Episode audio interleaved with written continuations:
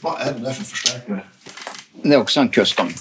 Ja. Det är en Marshall-låda som jag ritade om lite grann och så byggde eh, Perra om det här och så lackade vi så här gammalt kopparpulver som Ja. kommer att börja ärga då det spricker sönder. Just det. Och det är gjort så att jag får ner en 100 watts high watt. Och samma tanke är det med de där andra förstärkarna som är bakom. Ja. Ska jag ta mitt kaffe? så? Gör det, det är ett måste.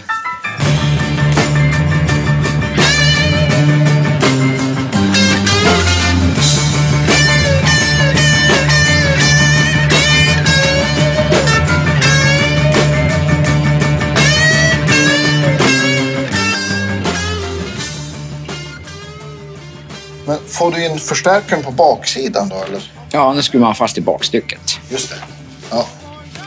Så att det är världens tyngsta kombo var som idén. Också kanske en av de snyggaste skulle jag vilja säga. Ja, och de där andra, de där custom kabinetterna, de, det ritade vi också. Det- Den fick tag på en kille som hade jobbat för Orange i England. Jag tror han hette Ian Garrett. Så han byggde dem då i Just det. Riktig plywood. Då. Så att där får man in tre, två 12 och en 10 plus en 50 watts plexi Marshall. Just det. Och så är det sån här bil hot rod klädsel på den där guldfärgade. Ja. Vansinnigt snygg. Ja, Det är lite samma. De här två kombosarna som någon av de här äh, Hot Rod Bender-gitarrerna som vi har på andra sidan där. De, de är ju hemma. Ja, det, visst känns det så. Ja, Nej, men ja. grejen är det där att eh, man, eh, man har ju velat förverkliga många saker då. Eh, Liksom, grejen är bara att man ska våga ta kontakt med de här gubbarna som man vill. Och det kan ju inte bli mer än nej. Nej men exakt. Som då vi, skrev ju till Bigsby, köpte Bigsby Fire direkt från Amerika och likadant med Vox och Highbot, köpte stärkare direkt från fabriken. Ja, vart ju halva priset mot vad det kostar i Sverige. ja fantastiskt. Ja, Ja, och så var det väl när vi fick kontakt med Gene Parsons. Då vi, det var ju Guitar Player som var den enda tidningen som handlade om gitarrer. Det var, jag tror, om jag minns rätt, februari 77, då satte han ut en liten annons i Guitar Player då. Så det var så vi kom, lärde känna varandra.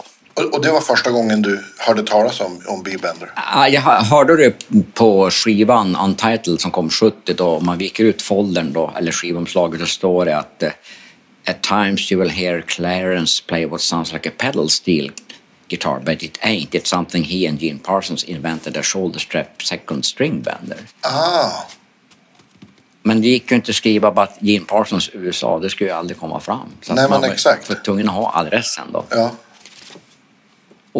Eh, sen efter många års sparande så då eh, skickade jag en gitarr dit och det var ju jävligt dyrt med frakt.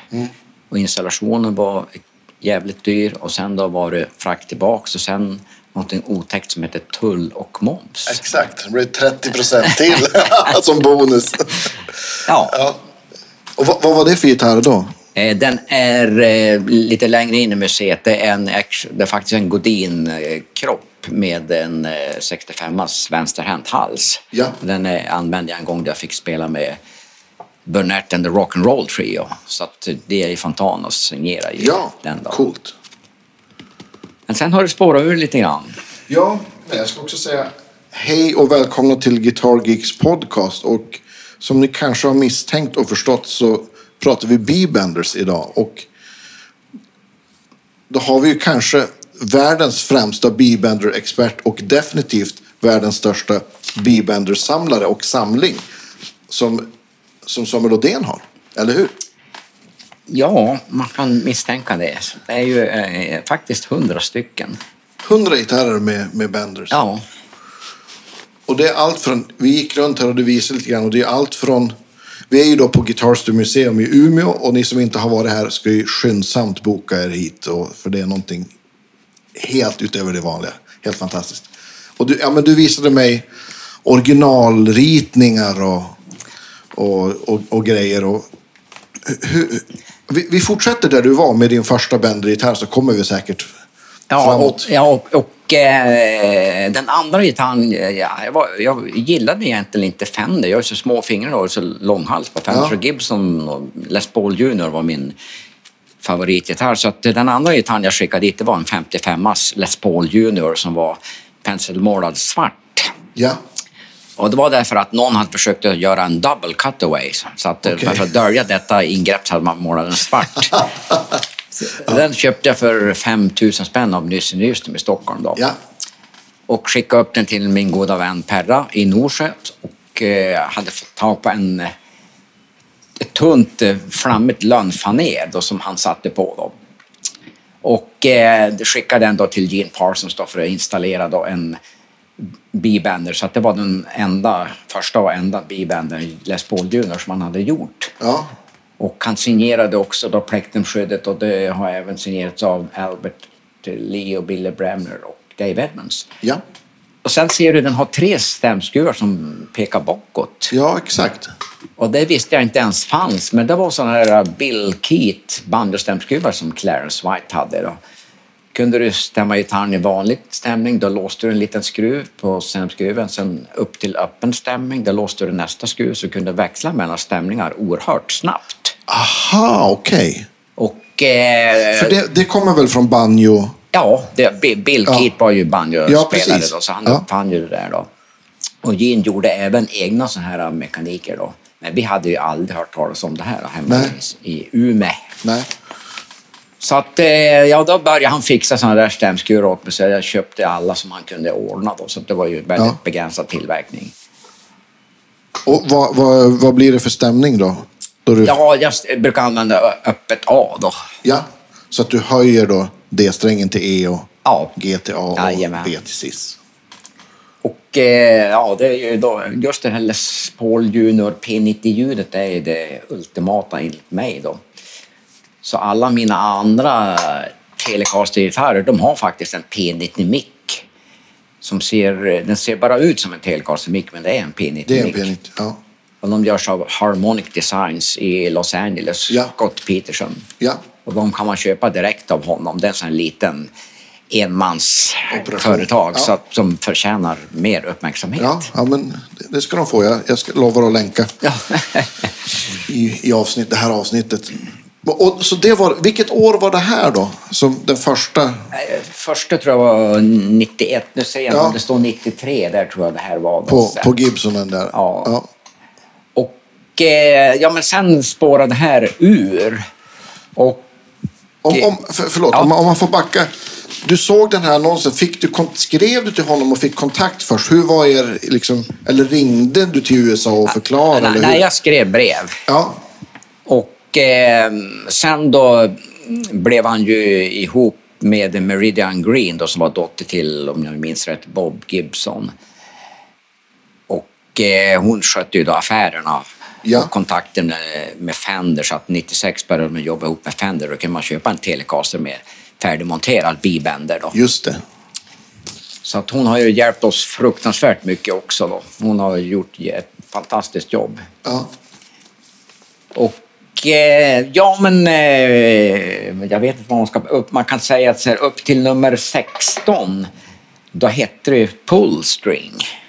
Okej. Då är det instartat pullstring. Då. Och eh, enligt vad Gin berättade för mig så var, betydde det att man, man gjorde en upholstring. Det betyder att man klädde om kläder och eh, soffor och sånt där. Ja, just det. Upholstery. Ja, så att då precis. fick han ändra till stringbander då. Aha, det var för likt. Ja, och då kan man se här på den här kundlistan som jag också har då att upp till nummer 16, ja då heter det Paul String.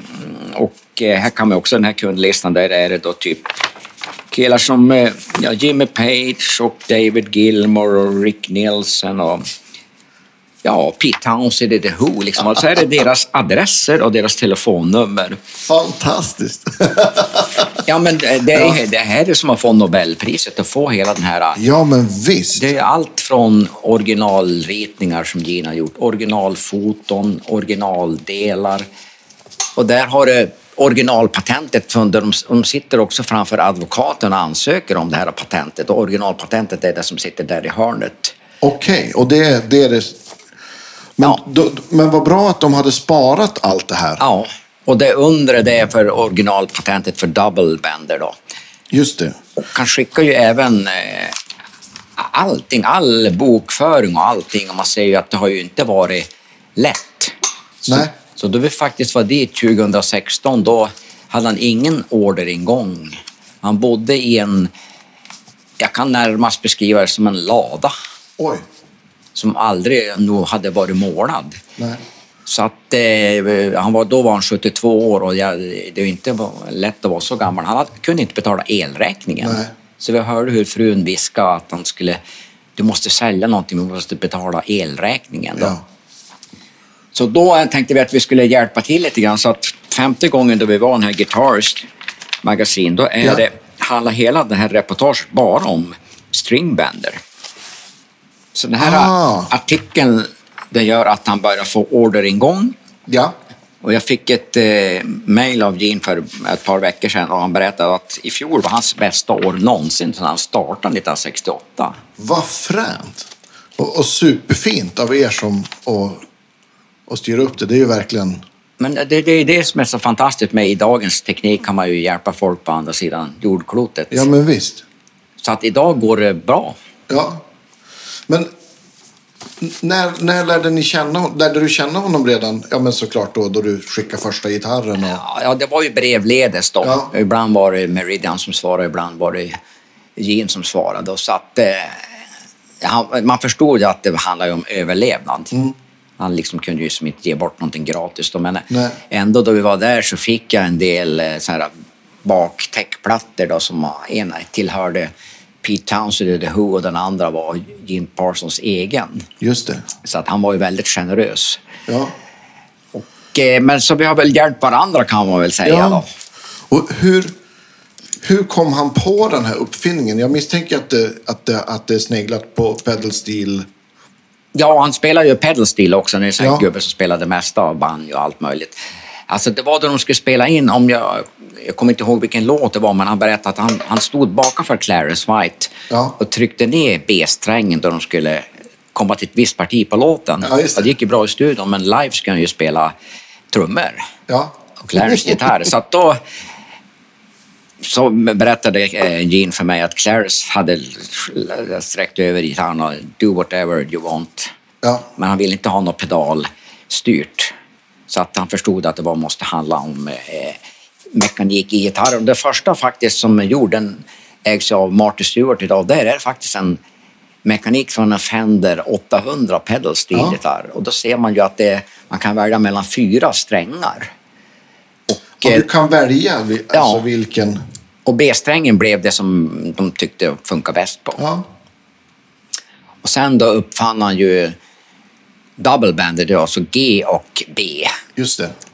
Och där är den prototypen, det är den som är där borta. Som jag då, ju visste aldrig om att den fanns ens. Den nedre? Ja, den nedre. Ja, just ja, Okej. Vilket år var det? Eh, jag tror kroppen är daterad 91. Ja. Och eh, ja, du ser det som något papper där och det är hans Gene Parsons opublicerade bok hur han uppfinner det här med stringbander. Jaha, okej. Det är en massa intressant läsning. Alltså jag blev eh, religiös i princip när jag fick de här grejerna. Det var som helt magiskt. Ja, ja men det, han, jag förstår att, att de har landat hos dig också. Det kan ju inte hamna bättre. Nej, hoppas Faktiskt. Ja, men verkligen. det. Sen då fick jag köpa de två prototyp akustiska gitarrerna som är där. Då. En David Matlin, den nedre, den första. Och sen Ja. är det då en eh, Alvarez Just gitarr. det. Då. Och sen är det då en, en eh, Martin D28 med Bigsby-hals som också har bilbänder. Ganska Ja, fränt. ovanlig gitarr. Ja, verkligen. Och så är det hans förstärkare där som han hade i Flying Burrito Brothers. Den Ja, piven där. Ja, just det. Ja. Session 400. Också legendariskt band. Ja, Ja.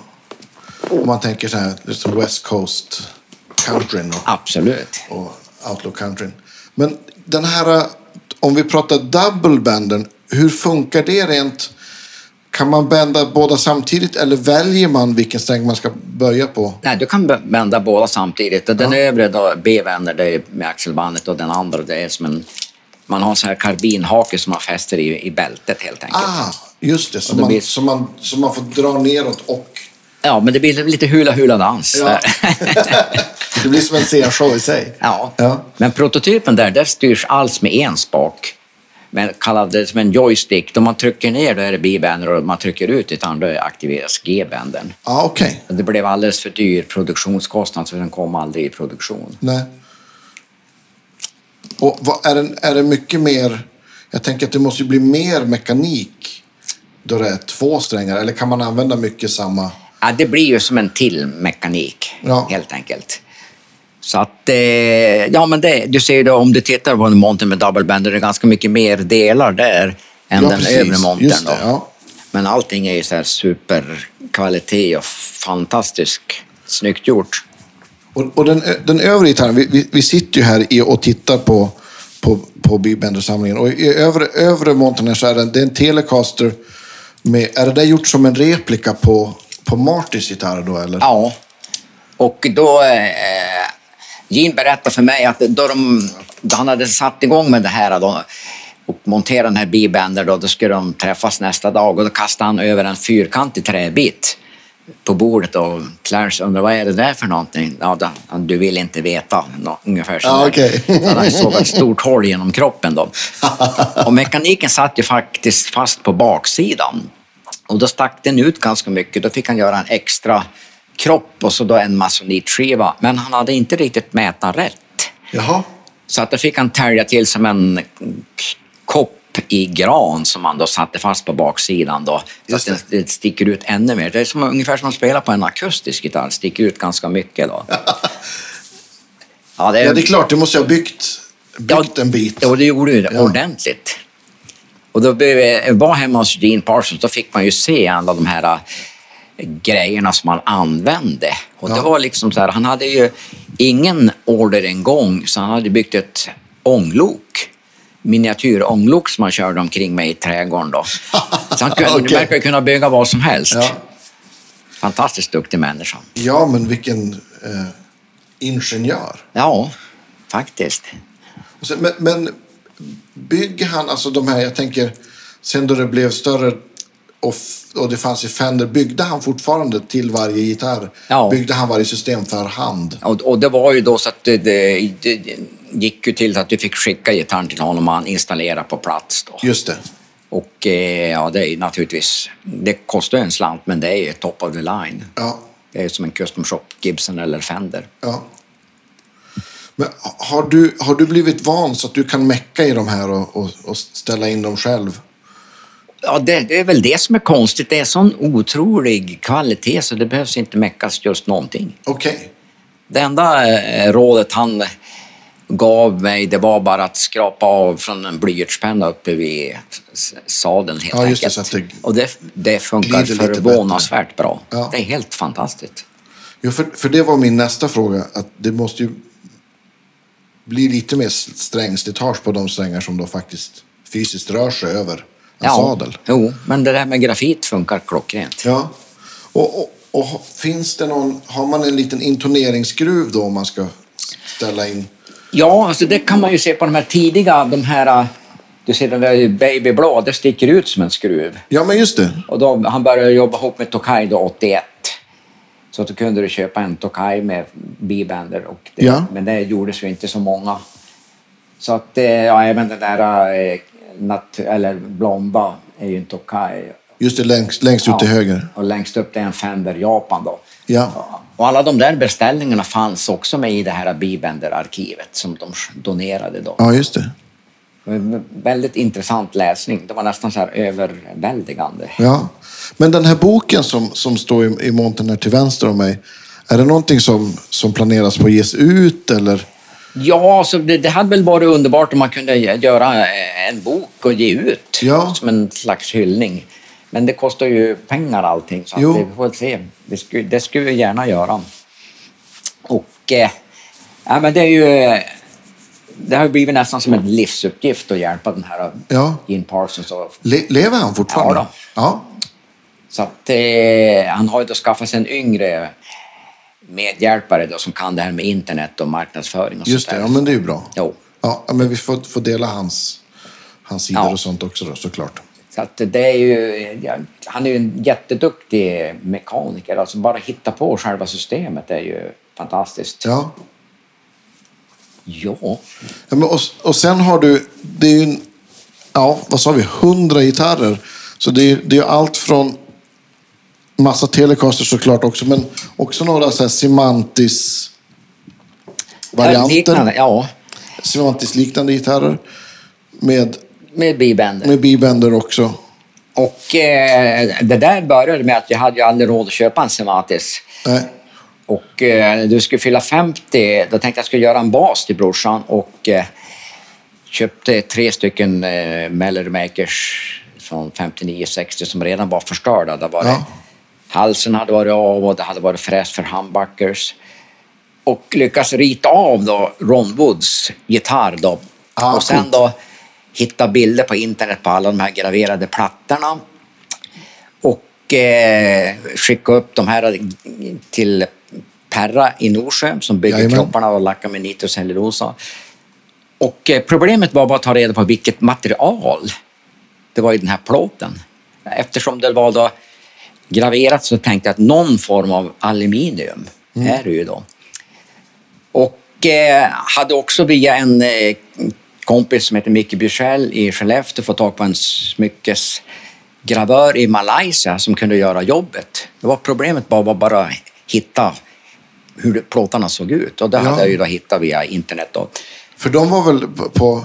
De är väl unika varje instrument? Ja, det är ju handgjort Ja. allting. Ja. Och eh, jag for då på plåtfirman och köpte lite spillbitar bara för att prova och putsa om det skulle bli blankt och det blev det inte. I samma veva, jag jobbar ju på Länsstyrelsen då, då skulle civilförsvarsenheten avvecklas. Ja. Och de hade ju köpt in ja, filmprojektorer, radioapparater, grammofoner, gravyrverk. Och allt detta var ju rördrivet. Nu kanske det här blir lite omständigt, Nej, men allt på. skulle kastas bort. Och jag tar ju rätt på allting. Ja.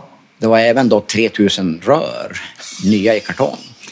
Ja, mullar då. Nya i kartong. Ja, du vet, det är som jackpot. Och jag tog ju rätt på ju precis lot, allting. det är en lottovinst. Och sen i en pappkartong, det ligger de här skyddsrumsskyltarna. Du kan se den där. Jo. Sånt satt ju på husen som byggdes då på 50-talet för att eh, ifall det skulle bli krig skulle man kunna kuta ner i skyddsrummet. Då. jo. Och då jag hittade den där skylten tänkte jag att kanske är det här aluminium. Så jag rusade till verkstaden där på Länsstyrelsen tog fram lite så autosol och började putsa. Och det blir blankt. Så på baksidan av den där svarta gitarren, där står det skyddsrum. Det var det som gick att använda. Ja, vad coolt. Ja, men det oftast varit så att man har snubblat på någonting och Ja. tänkt att det här kanske går att använda till någonting. Då. Ja. Och eh, en annan kompis till oss som heter Kenneth Nilsson. Han eh, gör stall och stränghållare då i stål. Han har, brukar Ja. jobba med gamla Smith Wesson och koltar och allt sånt där. Så han är vapensmed, så han har Ja. gjort det där. Då. Det finns Ja, det- mycket duktigt folk runt omkring oss. Ja, ja men verkligen. Nej, men och, och, vi sågs ju faktiskt hos, hos Perra för, ja, men det, var, det var väl också hösten 19 tror jag. Ja, Ja. Jo. Så, och han, han, han har ni haft mycket samarbete med va? Jo, han var ju den som fick den en, Det var bara tre personer som visste om samlingen och Perra var en av dem. Så Ja. han fick ju mäta av gamla broadcasters och telecasters och typ sånt här och då fick de korrekta måtten. Mm. tackar ju jag för. Ja, men du vet, och eh, man, man förstod det på de här gamla telecasters, där är det ju spårskruv. Och då de byggde Länsstyrelsen, nu blir det här lite ett sidospår, men, Nej, men bra. alla de här ekpartierna kring dörrar och fönster, det var ju fastsatta med då spårskruv. Så då det där Ah. revs, då tog jag rätt på alla spårskruvar som fanns där och de var identiska med det som Fender använde. Jaha, okej. Och ja, det- i den där har vi lite spårskruv från den samlingen. Då. Just det. Och det är ju så här med en liten, ja, eh, det är förnicklad mässing helt enkelt. Ja. Just det där gamla tilltalar mig. Så den där, du ser vi har en kopparfärgad gitarr där då. Och Den är också byggd av Perra Nilsson i Norsjö och eh, plektrumskyddet är gjort så att det ska likna en Offenhauser ventilkåpa med så här kylflänsar. ja, just det. Och så är det en annan kompis till oss som heter Micke Lund som har gjort pinstripingen. Ja. Och den är lackad med ett pulver som vi hittade på en antikaffär i Glommersträsk. Ja. Det var ett sånt här kuvert man vecklade upp och då är Just det det. sånt här ja, kopparflagor som är i luften. Då. Så att då klarlacken börjar spricka, då kommer det där att börja ärga som en gammal Les Paul. Just det. Ja, det är ju fränt. Ja, det är ju fränt. Ja. Så att, eh, ja, Perra han har ju betytt jättemycket för oss. Ja. Det är en sån där kille, bara, du tar skicka en gitarr som kostar 100 000 eller 200 000. Eller ännu mer. Ja. Man vet att den, den är trygg. Han är i goda händer. Ja. Ja. Nej, men och, och, och sen har det ju blivit, ja, men som det är på andra, andra sidan väggen här, de här äh, mer ho- hot rod-aktiga gitarrerna med, med B-benders och grejer. Så, så det, har, det har verkligen blivit din grej, det här med att det ska vara B-bender på... Ja, och de, de, de, de, det är ju de här Billy Bo Jupiter Thunderbird som då det. Bo hade då. Men även allting är ju flakat, även greppbräda och allting då. Och eh, då har jag gjort så att jag har döljt den där själva bibänder knappen då under stränghållaren så att det syns inte. Nej. Och de är ju så extremt tjock i halsarna och så är det gjort av mahogny då. Så att de kommer också göra sån här pinstriping på. Ja, coolt. Och, och det är samma kille som, som har gjort pinstripen på, Ja. på koppartelen där då? Och eh, du ser den här, eh, det där som det står Clarence White på. Just den det. är ju de, den där som är som en, byggd som en 335 då. Det är bara centerdelen som är solid. Just det.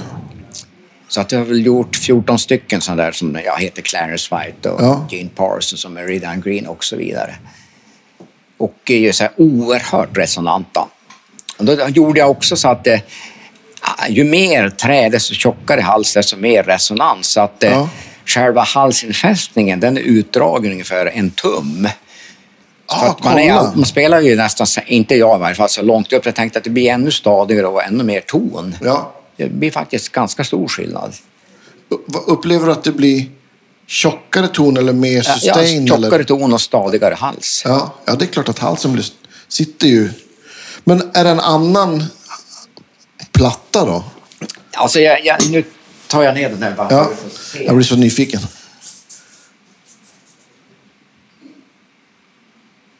Du ser, den här sticker ut så här pass mycket. Ah, ja visst. Det Ja, ganska stor skillnad. Är nog inte så ofta längst upp där och spelar. nej. Så kan man se den här bivändarmekaniken genom F-hålet. Just det. Ja, det är också en häftig detalj. Ja, och så är det super, super tunt sen nitrolack som redan har börjat krackelera. Ja. Ja. Fränt. Ska, se, ska inte jag uppehålla dig för länge för du ska göra en, en guidad tur snart här tror jag. Kan det vara så? Vi får se vad som händer. Men är det, ja, du får ju fråga på vad du vill. Så, Ja. ja det är, det är vad klockan 20, är? 20 minuter kvar. Ja, ja, men, då, men då, kör, då kör vi lite till. Ja. Ska se. Sådär, så jag vet vart jag ska klippa. Mm. Men Om man... Har alla de här gitarrerna varit, varit i Kalifornien och vänt? Ja, en, ja, en del har ju naturligtvis köpt färdiga. De Ja, har just det. varit- Ja, redan Ja. installerade. För det här började han göra någonstans kring 76. Just det. Eh, den äldsta som vi har det är då en eh, broadcast, nej, Nocaster från 51, februari Ja. 51. Den har Oj. både B och G-bänder. Ja. Och sen då fick vi också då originalteckningen av Gene Parsons då. Och där har vi börjat sälja de här t-shirten och då får ju då Gene Parsons och Meridian Green en del i vinsten. ja, men det är ju perfekt. Ja, och jag menar de är ju ganska Precis. coola. Ja, skitcool. Så att jag fick också köpa hans eh, cowboyhatt som han hade med The Birds och hans Okej. cowboy boots som han hade Ja. när han spelade med Flying Burrito Ja, Brothers. coolt. Så att det är väl, och eh, ja, jag har ju spårat ur. Det är ju ingen människa som behöver hundra stycken sådana här bibänders. Jo då. men, men eh, jag såg i alla fall en gitarr här borta med en, med en hipshot bybender också. Ja, Och, men det är inte han in, involverad utan det är en annan. Ja, det är ju firman Hipshot. Det är firman Ja, Hipshot, ja, det, det är naturligtvis om man är osäker på om man behöver en bibänder eller inte så kanske man börjar med en sån. Ja. För att du gör ju ingen åverkan på gitarren eftersom allting fäst med axelbandsskruven. Precis. Ja, jag har ju en tele med en sån. Ja, Med, en sån, med både B och, G-bender. Och, Ja, och det funkar ju faktiskt Ja. väldigt bra. Sen är det ju, det finns ju en, nu kommer inte jag ihåg vad han heter, det finns en som heter Handbander. En svensk. Ja, men precis. Ja. Du kanske vet mer om det än jag. Ja, jo, Ja, den är ju på den gitarren bakom dig där. Den svarta. Jerry exakt, Donahoe. precis. Ja, men det var, ju, det var ju någon, jag tror tyvärr att han har lagt ner. Det var ju en kille i, eh, i, i Blekinge tror jag som, som Ja. gjorde de där ett tag. Väldigt smart idé. Ja, Att, och lite åverkan på gitarren också. ja, det är också lite samma. Och sen har du också Bender by Björn som håller till, ja det är väl utanför Sundsvall tror jag. Mhm. Som också är något liknande som man sätter på baksidan på, på skruvarna på, på, på stallet. Just det, ja. Så det är också, ja, man behöver inte göra någon, någon åverkan. Ja, men det är ju, det, det, jag menar, det är ju jättedyrt att skicka en gitarr till Gene. Det kanske kostar 2000 frakt och sen då kostar det 12-13 000 installation. Frakt tillbaks och sen då tull och moms. Ja. Så det är ju liksom, man tänker sig för innan man gör det. Ja, det är 20 i alla fall. Ja, det, det blir ju lite dyrt. Ja, Men, men kul. men kul. Finns det basar med, med, med Benders på också? inte vad jag vet. Nej. Det kanske vore någonting. Ja, Varför inte? ja, Nej, men det, man, det, Hipshot gjorde ju jävligt mycket bra grejer. De har ju även den där D-tunern som är på den där ja men plattan. precis. Ja, och den har jag också. Den är ju klockren. Ja, tycker och det jag. funkar ju väldigt bra. Sen finns det ju också, jag spelar ju lapsteel mycket och pedalsteel också. Mm, Och där har ju Dusenberg har gjort ett stall med palm benders. Just det, ja. Är, och det har jag faktiskt satt på en, ja, men en, eh, en Telecaster med, med en hals från Perra faktiskt. Okej. Och en, en lapsteel mick. Det blev jävligt fränt. Jag, jag kan skicka en bild sen. gör det. Ja. Nej, men Bigsby gjorde ju också sådana där Just det, palmbänder. precis. Och de, det, var, det som var smart med dem, då kunde du välja, du kunde flytta efter dem och så välja vilka strängar du ville som det funkar Ja, på. ja, det är ju också fränt.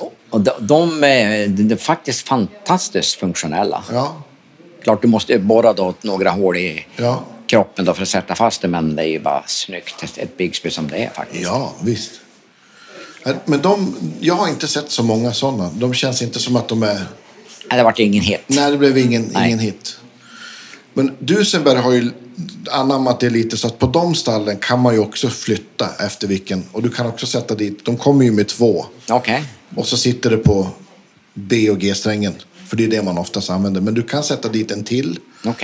Eller två till. Så, och, och, eller, eller bara skjuta efter så att du kan Mm. ha på någon annan sträng om man vill. Så det är faktiskt ganska fränt också. Ja, det är ju det. Ja, det där vet man inte riktigt vad som man känner ska funka faktiskt. nej men precis. Och så, Nej, men det är ju det, det är ju kul att det utvecklas. ja, jag kom på en till. Mm. Det finns en, eh, en fransman som heter Sertano tror jag. Mhm. Som gör såna här benders som man kan sätta på, på... Men då måste man skruva fast med två skruvar i gitarrkroppen. Men, men, eh, men det är inte mer åverkan än så. Och de går också, det går att sätta både på gitarr och på, på lapsteel. Så man kan ha en lapsteel utan benders och få, få benderset. Okej. Så Ja. det har ju faktiskt kommit lite, Men, lite grejer senaste bara ja. Nej, men jag tio tror åren. intresset har ökat lite grann. Ja, Och det är bra för de... Och ja, man såg ju på den här... Eh, han, skickade ju även bokföringen. Det var Ja. liksom inget... Det var så här 15 procents ränta i lån så att det, liksom, det Ja. var inte lätt att få det att gå ihop. nej det kan jag tänka mig. Så att... Eh, nej, men det är ju ett under att han har överlevt. Ja, och det, och det är också en, framförallt en, en, eh, ett fantastiskt verktyg för att göra musik. Ja, men så är och, det och uttrycka sig. Det, är Ja. liksom, det var väl där det startade. Ja. För att han inte kunde stå och böja på gitarristens B-sträng. Nej, precis. ja. Nej, men det var ett stort ögonblick Då vi åkte till USA så hade vi med oss då våran goda vän Magnus Melkersson som är Ja. industridesigner och gjorde en gitarr till Joe Bonamassa 2013 tror jag det var. Just det. Och sen då vi var på Taylors fabrik så inser vi de att de svenska robotar som fräste halsarna. Och eh, de har designat det här i Umeå på Umeå designhögskola. Jaha, vad fränt. Och han som hade designat dem var med, Tappi och Alakirk. Ja. Så att, eh, och, och, och, det, vi visste inte detta, så att den där designhögskolan den var rankad nummer ett i hela världen. Den har varit rankad nummer ett i åtta år i rad. ja, det är ju häftigt.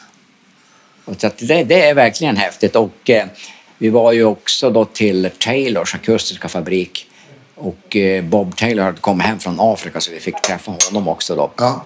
De tänkte liksom ett steg framåt så att eh, alla träd som de högg ner, då planterade de nya träd. Ja. Och det gav ju då lokalbefolkningen då jobb också då. Ja, ja vad fint. Det Det, var- är ju toppen. Och det var knäpptyst i den där fabriken. Ja. Om man jämförde med Fender, det var precis som 52 som du klev in i fabriken. Wow.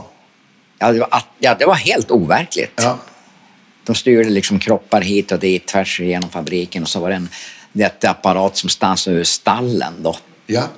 Och då hade jag haft den här genomgången då, då fick vi, jag hade ett möte då med ledningen för Fender och eh, då frågade jag om de där, om jag kunde få se en sån där stallbit innan de här kanterna växte upp på ett Telecaster-stall. Och, Ja. och skickade en gubbe och hämtade det där då. Och kom ju då med en stallbit som var helt utstansad plan och så då en som var uppvikt men inte kromad och så en som var färdig då. Ja. Och eh, jag stoppade ner dem där i väskan. Ja. Då tittade han på mig så här. Ingen har lämnat Fenderfabriken med några delar. Du blir den första. Yeah. När vi kom till vakten då sa han, du kan slå om den här en stund så att vi skulle kunna gå ut. Och de grejerna ligger i den där lilla fotoramen, där svarta där. Ja, vad fränt. Ja, det var verkligen hög Ja. säkerhet. Ja. Ja, kul. Jag ska släppa dig så att du ska få göra din visning. Men stort tack för, för en eh, supertrevlig pratstund om Benders med mera.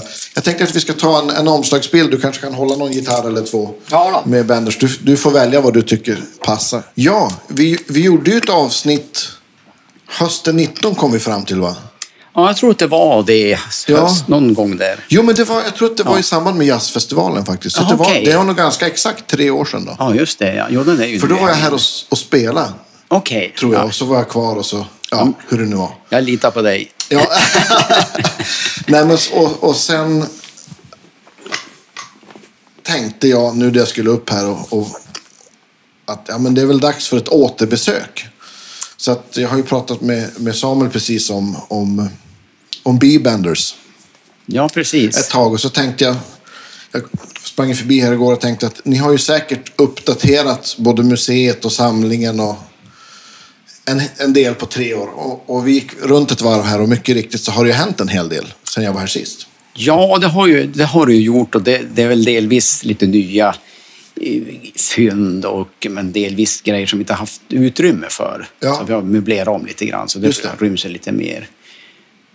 Och eh, ja, vi har bland annat köpt en, en 46as eh, Fender Princeton Lapsteel, alltså den första produkten Oj. som Fender gjorde. Då. 46. Ja, 46.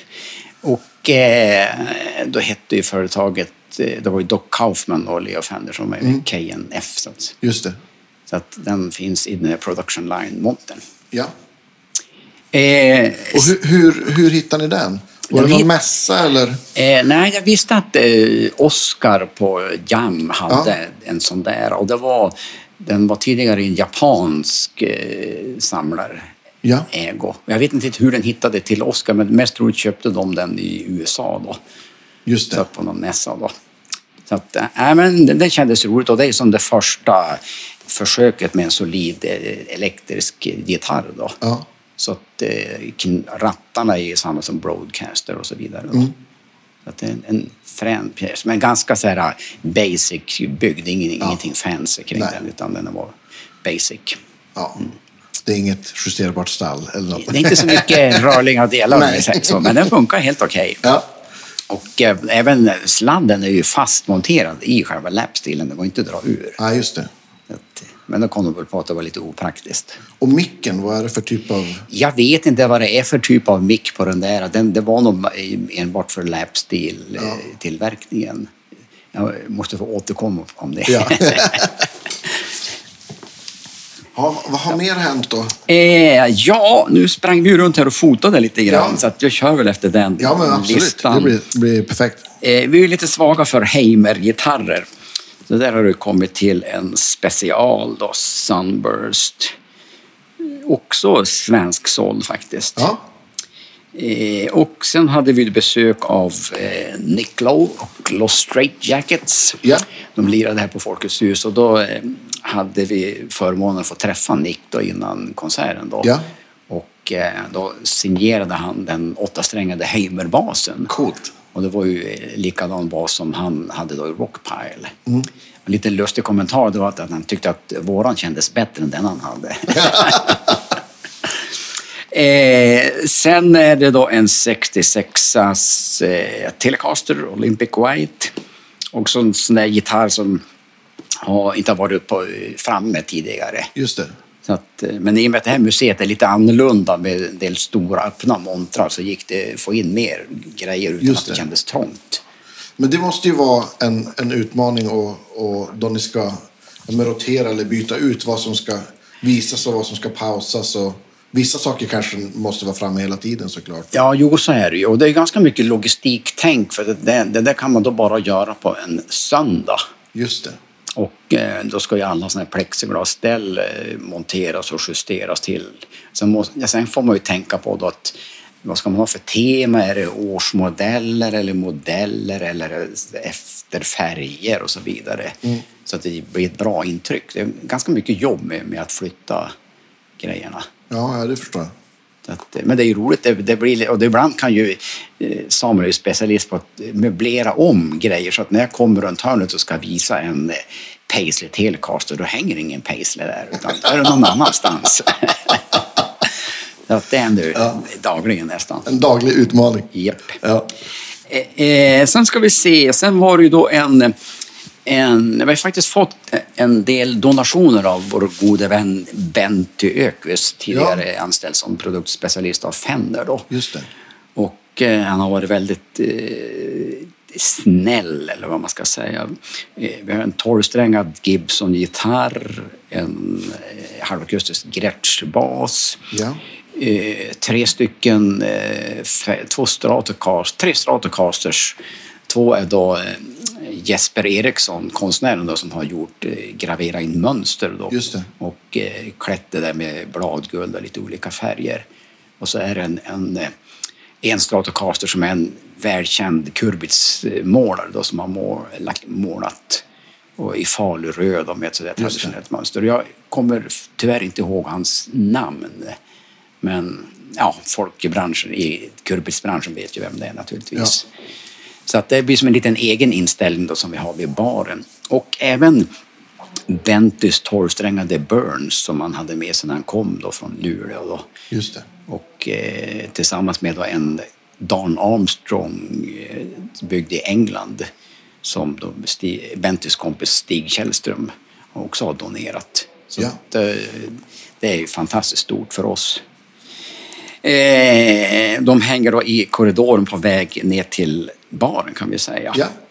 Eh, sen är det väl lite eh, tidiga Melody Makers, 61 tre stycken Sunburst, en 64 och eh, sen här är ju min, lite av min favorit eh, Lapsteel, eh, Gibsons Lapsteel som heter Skylark. Ja, det- Så såldes som ett studentkit då. Just det. Och materialet är ju då Corina, samma som i Flying V och Explorer. Ja. En dyrt träslag på en studentgitarr. ja, det kan man ju säga. Men de hade väl kanske bitar över. Ja, förmodligen det om det. Eh, sen är det då en custombyggd gitarr från Stockholm. Jag tror att de är från Iran, de här killarna. Ja. Det heter Mere Custom Oath. Ja, coolt. Eh, det är ju en Les Paul-liknande gitarr, men inläggen och intarsian på gitarren är ju helt Alltså, jag har aldrig sett något värre. Det är fantastiskt vilket handarbete det är. Ja. Och eh, den eh, kostade 30 000 kronor 2008 så att man förstår att det är mycket arbetstid är Ja. på gitarren. Ja, ja, det är som ett konstverk. Ja. Så att den är jag väldigt stolt över och det är ju bland annat samma gitarrmodell då som Stevie Claesson har. Ja. Han har ju en sjörövarvariant. Såklart. Ja, exakt. Eh, sen ja, en 335 från 67, Sunburst, mint condition. Eh, lite Dan Electro-basar, Longhorns. Har jag Ja. också köpt två stycken och en italiensk kopia som heter Dyn Electron. Jaha, det känner jag inte Ser till. exakt likadan ut. Ja. Fast made in Italy. Ja. Men låter ju inte riktigt lika bra. Hur, hur mycket av de här sakerna hit, hittar du online och hur mycket hittar ni via kontakter eller folk som ringer? Eller? Ja, det är svårt att säga det där. Men det är ju det är klart att museet är ju som en, eh, mötesplats Ja, där men många kanske hör av sig och vill ha en värdering och ibland är det något dödsbo och sådär. Ja. Så att det är nog, ja, med 50-50 kanske. Ja. Och det är ju, vi är ju väldigt tacksamma över att eh, folk vänder sig hit och för att eh, få reda på vad det är för värde. För många gånger när det är ett dödsbo, då kan, har de ju ingen aning. Nej. Det kan ju vara värt jättemycket pengar fast man inte är medveten om det. Ja, precis. Och då blir ju alla glada så att säga. Ja. Eh, vad ska vi säga mer? Jo, vi har ju, har ju också en sån här tvillinggitarr då, alltså en gitarr med två halsar. Ja. en Darn Electro, eh, en bas och en sexsträngad gitarr. Ja. Har ni giggat på den? någon gång? Nej, faktiskt inte, men jag såg något klipp med Steve Ray Vaughan och Jimmy Vaughan. Ja, just det. på den där, Ja. så vi får väl öva lite grann innan Precis. det blir dags. Eh, sen är det väl lite annat. Det är som en ny del. Om man har varit på museet så är det med en gång ner till baren. Just det. Och där är det ett antal väggfasta montrar där det är en hel del, eller det är helt nytt allting som är Ja. där. Ja, de här väggfasta montrarna det är ju då bland annat eh, en signerad Stratocaster av Stevie Ray Vaughan. Coolt. Köpt av en kille som heter Alvar Martinsson som tyvärr gick bort innan pandemin här. Ja. Fantastisk människa och hängiven samlare. Så han har varit här med en hel del udda grejer. Ja. Och det är ju kul att eh, folk blir en del av museet då. Ja, men visst. Eh, Ja, det, Ja, det, är jätteroligt. Det kan Ja. vara allt från skivor till ett gammalt cigarettpaket eller Ja, lite nostalgia-grejer.